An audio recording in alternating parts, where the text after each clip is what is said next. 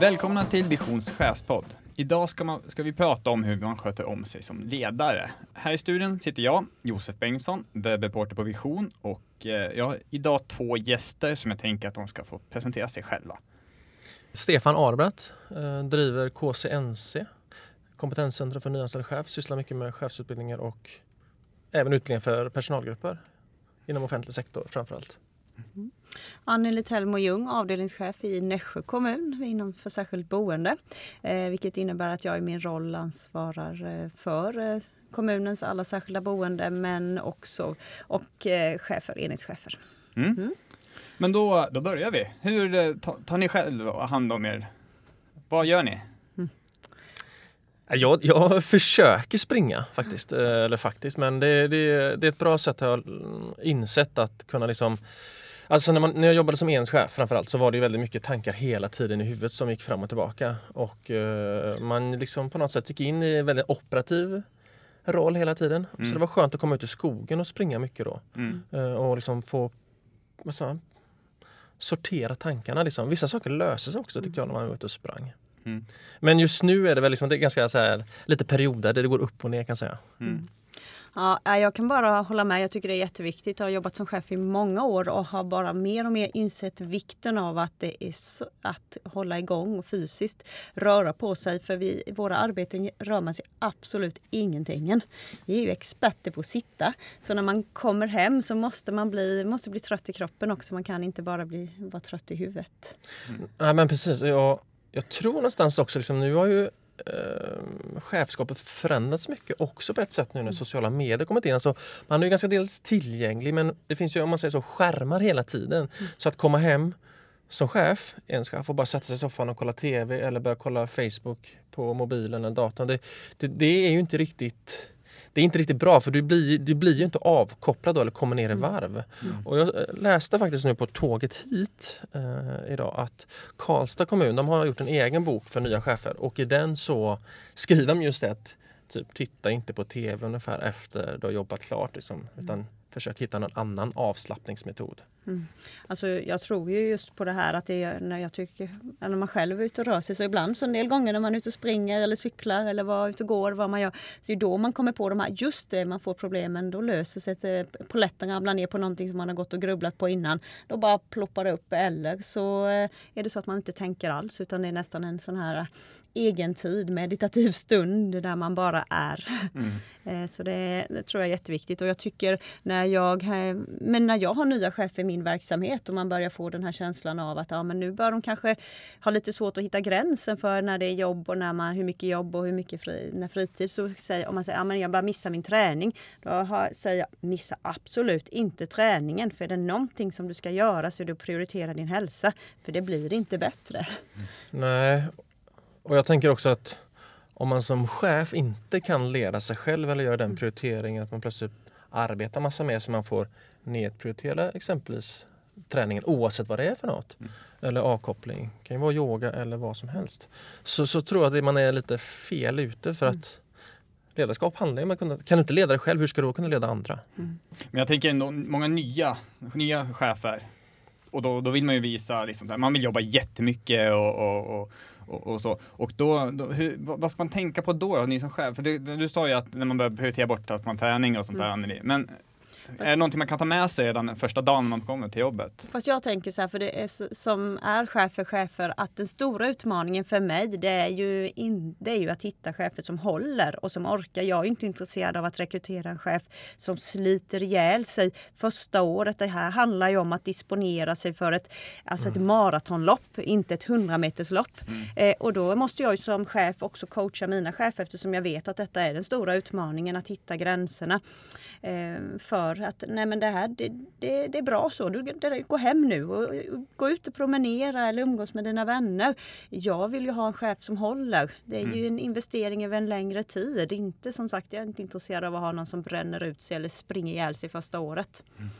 Ja, men jag håller helt med dig. Det är roligt att säga just maratonlopp också för att det blir ju annars, alltså om, om du behöver gå ut och rekrytera nya chefer så det blir omstarter hela tiden Mm. i organisationen. Det blir omstart hela tiden ute i verksamheten på äldreboenden. Det blir omstart hela tiden i ledningsgruppen.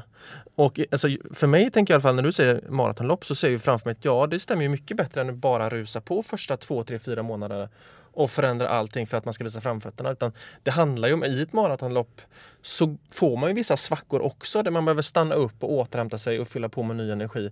Men att siktet är ju hela tiden att nå i mål. Eh, Och idag tror jag att ibland att man kanske hoppas ibland så här, lite för snabba förändringar hela tiden. Quick fix liksom. För att lite som vi började samtalet att träning är ibland, alltså, om du slår upp Aftonbladet Expressen så är det oftast Snart kommer ju de här, kommer i form till sommaren på två månader, kommer i form på en månad, magrutor på en vecka. Ja, det är nog rätt svårt tänker jag att uppnå det. Mm. Och- och- Ja. Det kommer ju mer och mer om man tittar på när man tittar på statistik och anmälan till lopp till exempel, motionslopp, så ser man ju att det ökar ju hela tiden. Så det är väldigt många människor som har kommit till denna insikten. Och tittar man också på vad det är för, det är ju faktiskt så att många chefer väljer att faktiskt prioritera och har förstått detta. Så vi kan ju väl inte mer än understryka detta. Ja, det är jätte, jätteviktigt att ta hand om sig själv. Annars kan vi ju aldrig, kan ju aldrig coacha ett hälsoarbete. Man kan aldrig coacha sina medarbetare om man själv inte föregår med gott exempel heller. Och hitta balansen. För så är det ju. Det är ju inte bara chefer som har svårt att släppa jobbet när man kommer hem. Utan det problemet har vi ju hos väldigt många medarbetare också. Alltså ute i vår verksamhet. Ja. Så att där måste vi föregå med gott exempel. Mm. Men hur hittar man då den här balansen då mellan arbetsliv och privatliv? Alltså, jag brukar fundera och även tipsa om att försöka se det på något sätt som, som tre ballonger du behöver ha luft i hela tiden för att överleva. Eh, och då är ju en ballong, det är ju arbetet. En ballong är familjen. Det kan ju vara bara att du har barn eller partner eller någon sambo. Och då är ju också då egentiden, fritiden. Så att man inte liksom bara fyller på massa luft i den där arbetsballongen för då kommer ju den till slut spricka. Och har du ingen luft i fritiden, den här egentiden, att de här gamla kompisarna som du kanske som betyder väldigt mycket men som du inte träffar lika ofta längre. När, när investerar du liksom att de här är viktiga för att koppla bort jobbet eller liksom inte bara vara chef? Eh, Jag, tänker så här eh, att man kan som chef kan man jobba 24 timmar om dygnet, sju dagar i veckan och ändå inte bli klar. Och då är, den insikten kom jag till för ganska många år sedan.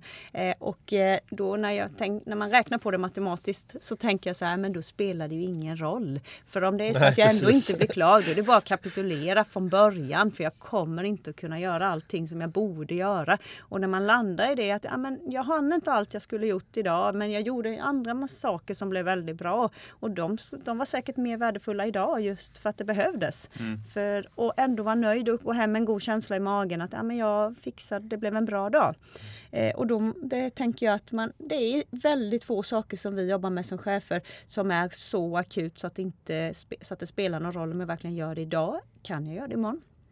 Eller i övermorgon, eller om två veckor. Eh, sen tror jag man måste se på sin tid i ett större perspektiv. För som chef är det så att man har perioder under ett år där man vet att man är ganska chockad med arbetsuppgifter. Eh, inför en semesterrekrytering, i samband med lönesamtal, medarbetarsamtal, september månad när alla, allting vaknar upp efter semestrarna. Och då får man, tror jag att det är viktigt att inte få panik i just att nu har jag jättemycket att göra. Utan landa i att okej nu är det denna tiden på året, nu har jag några tuffa veckor. Sen blir det lite bättre. Och kunna också landa då att när man kommer i de där lugnare veckorna så men då kan man faktiskt njuta av det lite. Ja, och då tänker jag då kan du också styra dem, den, den luften du puttar in i de här ballongerna. Liksom, och då kanske det är lite mindre, eller väldigt mycket tryck i den arbetsballongen. Men då kan du också veta om att det kommer en sån period. Så har man ju också möjlighet att kommunicera det till familjen exempelvis att nu kommer jag behöva jobba lite längre dagar i två, tre veckor eller vad det kan vara just för att göra klart utvecklingslönesamtalen eller vad det är för period man befinner sig i. Men jag tänker då prioritera, vi har ju varit inne lite på det. Hur, hur, hur, har ni några bra tips till cheferna där? Hur kan man prioritera på bästa sätt?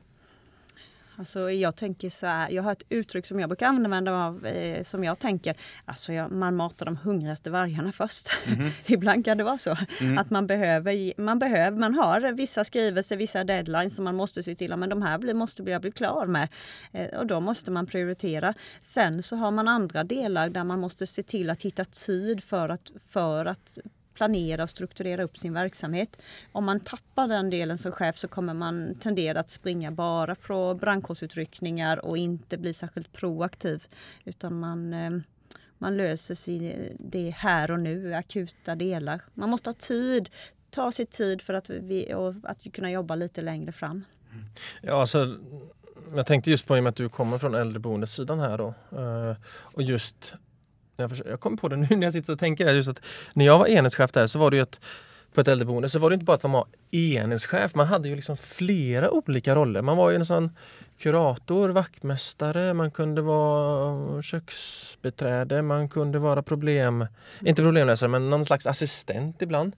Alltså det, det, och det är klart att då är det ju väldigt svårt när du kommer in den där hela tiden att det är någon slags operativ problemhantering och att du har olika yrkesroller. Mm. Fast du inte har det egentligen. Nej.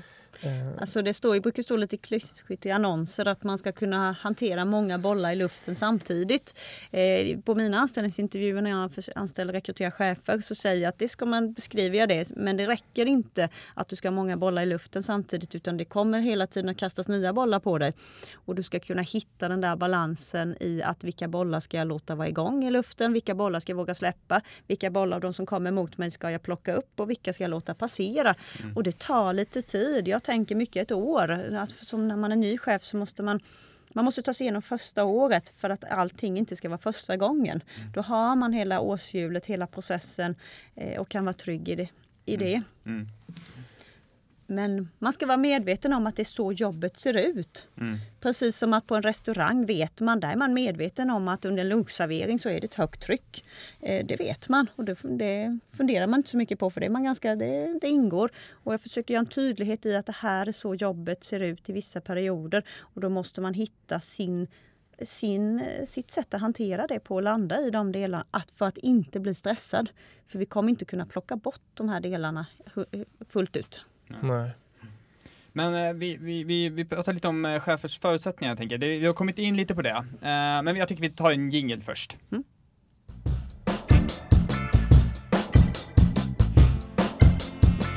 Så, men Anneli, du är ju chefernas chef. Hur ger du dina chefer och nya chefer då de bästa förutsättningarna för att vara chef? Mm. Det där måste, jag tänker att det är väldigt individuellt anpassat. Där måste man ju ha en dialog, en väldigt tät dialog med en ny chef. Är det en ny chef bara i organisationen som kanske har jobbat som chef tidigare i en annan organisation behöver ju kanske inte givet så mycket stöd från mig som chef.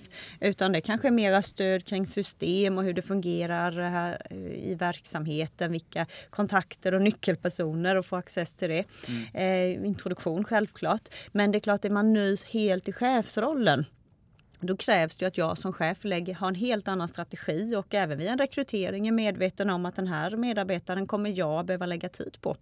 Mm. Men jag, jag, brukar göra så att jag ser till att man har en mentor i sin egen chefsgrupp. Att man har en utsedd kollega som man har avsatta tider med. Där man har en, alltså en överenskommen kollega där man kan ringa och ställa dumma frågor. Mm. Samma fråga! Och det finns inga dumma frågor men man kan ställa frågor flera gånger mm. och få det här stöd, kollegiala stödet. Eh, sen som chef så brukar jag avsätta tid att man har kanske ja, någon chef träffar jag en timme i veckan, ganska nyanställd. Eh, och vi avsätter tid och där hjälper jag henne att prioritera. Vad ska hon göra? Stötta henne i upplägg kring APT, kring medarbetare, kring eh, processer och utmaningar. Hur man ska tänka och hur man, kan, eh, hur man ska lägga upp sin vardag.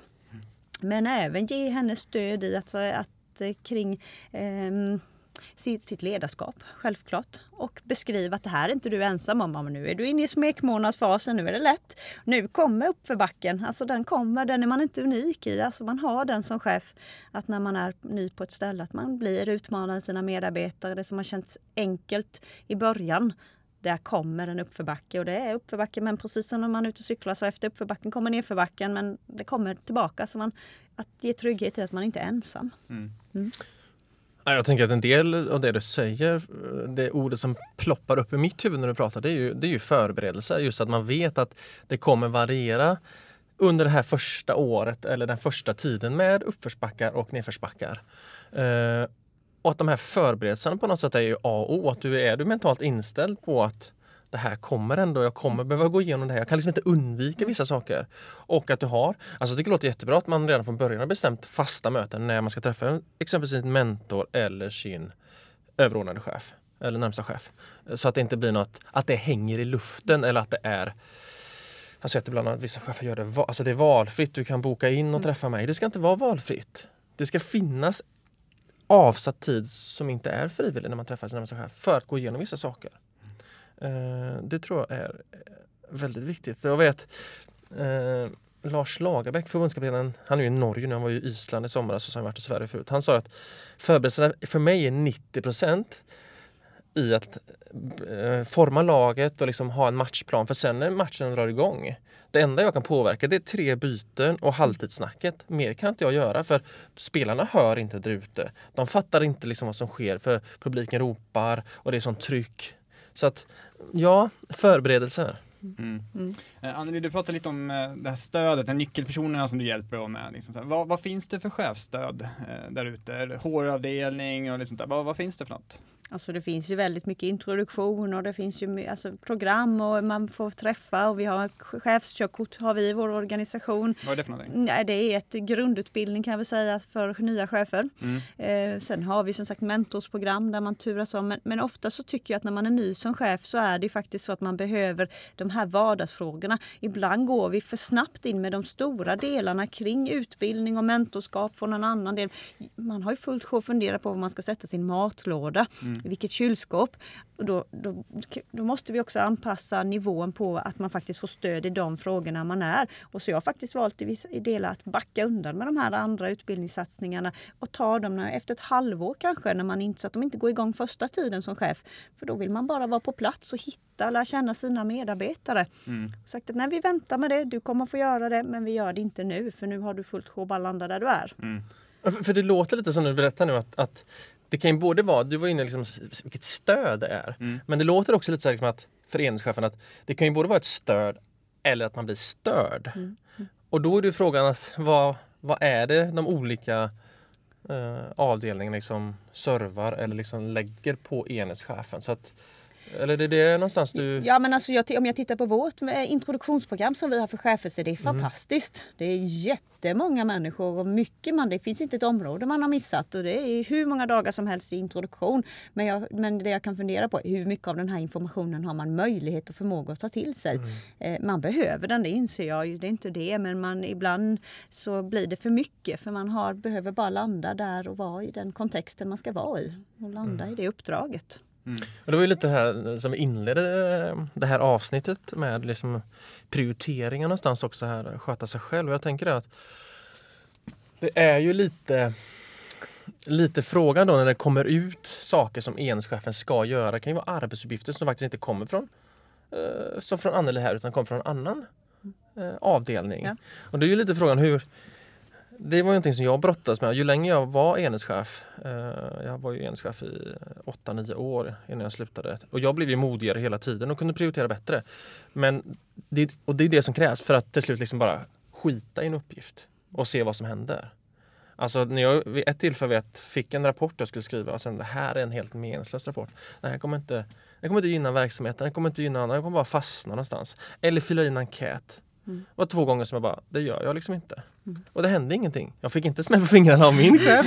och det blev ingen konsekvens att de, de, em, de vi var till för blev liksom negativt påverkade heller. Mm. Så ibland, ibland det är lite så här, ja, Alltså, stöd eller stöd. Liksom. nej, vad vad det är är det för arbetsuppgifter som kommer? Och det är jättesvårt att säga. Och det, det, det tror jag liksom man måste ha hjälp av sin chef att liksom prioritera det. Mm. Liksom att, för man, det är väldigt svårt. Är alla liksom viktiga och brådskande eller finns det oviktiga men brådskande? Det, det, jag tycker det är jätteviktigt. Jag tycker, jag ser en väldigt stor skillnad i att välja bort arbetsuppgifter för man själv tar det eller har det en dialog och ett gemensamt beslut för, tillsammans med sin chef. Mm. Eh, för att då blir det en annan, men det här har vi kommit överens om och jag som chef kan också stå bakom medarbetarna. Att vi har utifrån medarbetarens arbetssituation så, så gör inte hon detta nu. Det kommer men det kommer om två, en månad.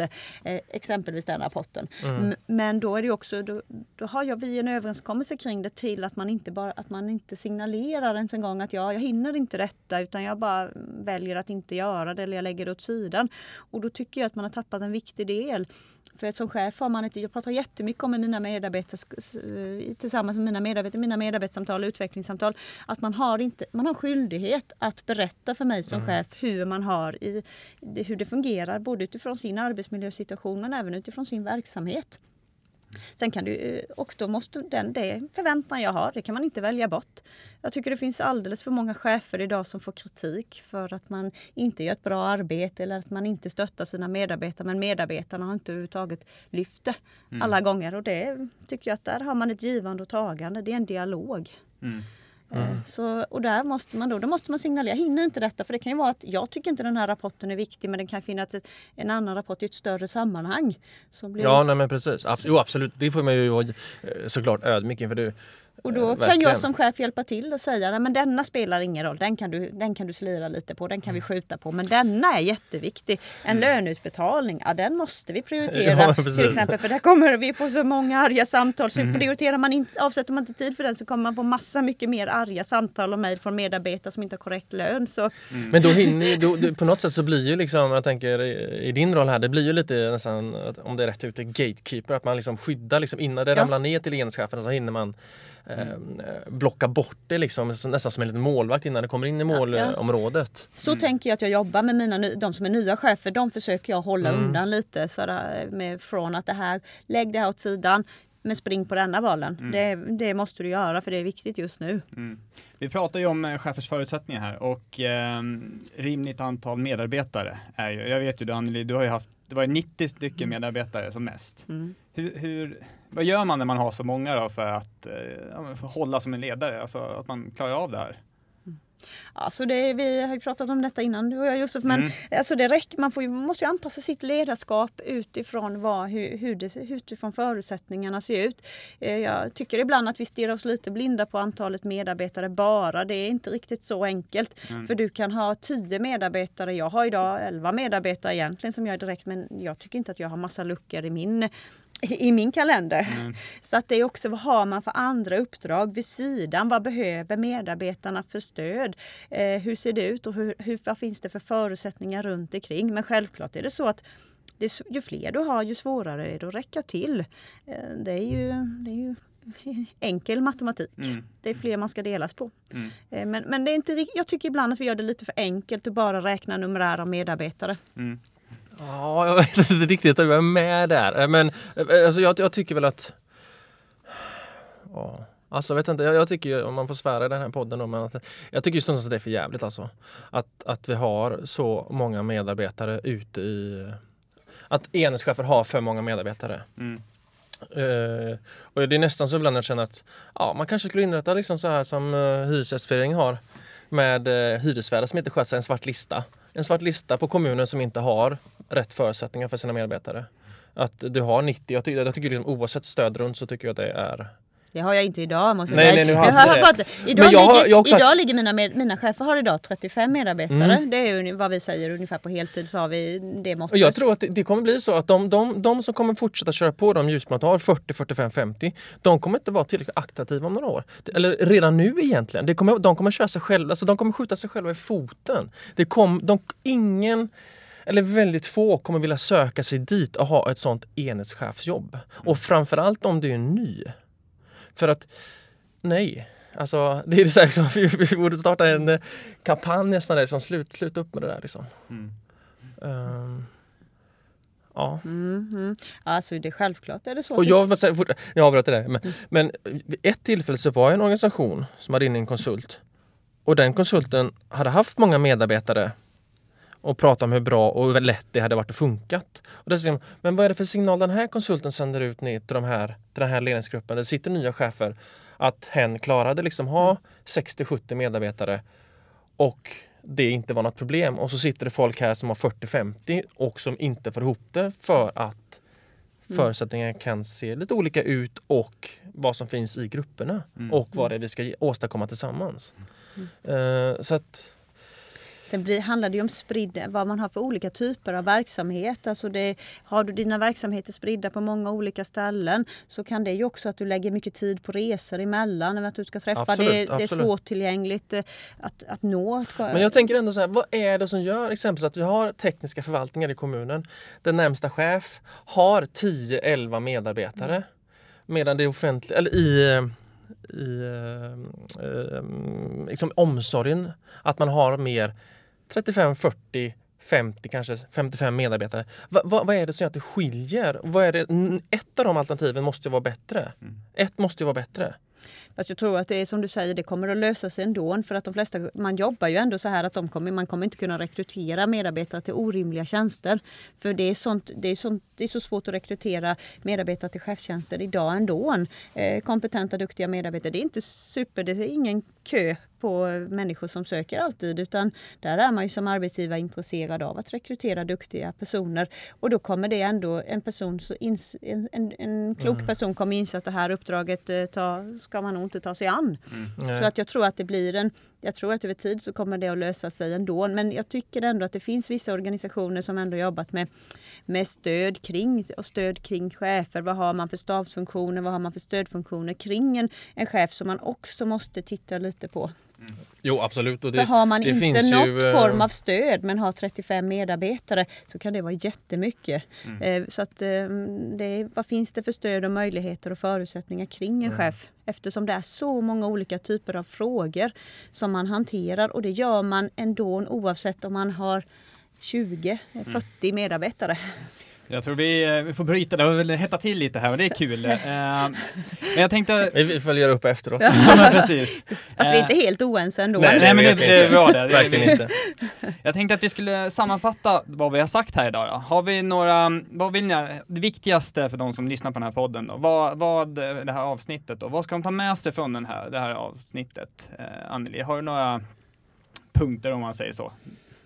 Mm, alltså ta hand om dig själv, det eh, motionera. Ja, vi inledde ju med det här att röra på sig. Jag tror det är jätte, jätteviktigt. Eh, eh, det tror jag. Sen tror jag att man måste inse att man kommer inte att hinna med allting. Och man ska känna, måste hitta den där balansen och faktiskt känna sig nöjd ändå. Fast jag hann inte allt jag hade tänkt att göra. Mm. Eh, man blir inte färdig. Man kan jobba hela tiden och ändå inte bli klar. Mm. Jag eh, tror att det är väldigt viktigt att hitta sitt ledarskap. Vad stämmer för mig? Och hur Mm. funkar? Hur ska jag jobba som chef? Mm, Stefan? Alltså jag tror, jag, jag, jag tror faktiskt du fångade det i stort sett som jag satt, eller nu jag fick ju lite betänketid här att tänka Mm. igenom vad jag skulle säga i så fall. Att, jag tror du lyckades fånga det ganska väl. Jag tror jag är ganska, ganska nöjd med att Mm. Jättebra. stoppa det i så fall. Ja, ja det andra avsnitt vi har haft här så har vi haft en liten framtidsspaning. Hur det ser ut för chefsyrket här i framtiden. Eh, eller det här temat då som vi haft eh, på det här avsnittet. Känner ni att ni har någon framtidsspaning som ni skulle vilja berätta här i det sista vi gör här i podden? Alltså vi, jag tror att det är så här att man, det gäller att vara attraktiv som arbetsgivare och då handlar det både om numerära medarbetare, stöd till chefer men också stöd utifrån sin närmsta chef och sina kollegor. Ha ett väl, alltså man måste ha ett bra stöd för chefer för att vi ska kunna behålla och rekrytera. Det tror jag kommer vara jätteviktigt. Kommer inte i framtiden eh, fortfarande, det kommer inte bli lättare att rekrytera chefer tror jag inte. Eh, Jag tror att man måste börja tänka lite också, tänka vad är det för yrkesgrupper vi ska rekrytera. Vi har traditionellt tänkt socionomer. Jag börjar utmana mig lite i andra tankar och hör att andra kommuner också ser när vi ser att vi inte har fullt med sökande. Eh, ska man utmana sig och anställa folk som har en HR-bakgrund? Är det sjuksköterskor? Alltså det finns lite olika, lite olika spår som man kan fundera på. Mm. Stefan? Ja men det du säger är ju egentligen det är ju att tänka lite nytt. Jag tror absolut att man kan titta eh, utöver fler yrkesgrupper än just bara socionom, sociala omsorgsprogrammet, beteendevetare. För att det kommer vara helt nödvändigt. Och de, vi pratade lite om det förut, jag vet inte, eh, om vilka det är som också kommer jobba i våra verksamheter framöver. Det kommer ju det kommer ju vara ganska blandat än mer om man säger så med olika bakgrunder, kulturella skillnader, språk, möjligheter men även vissa svårigheter. Mm.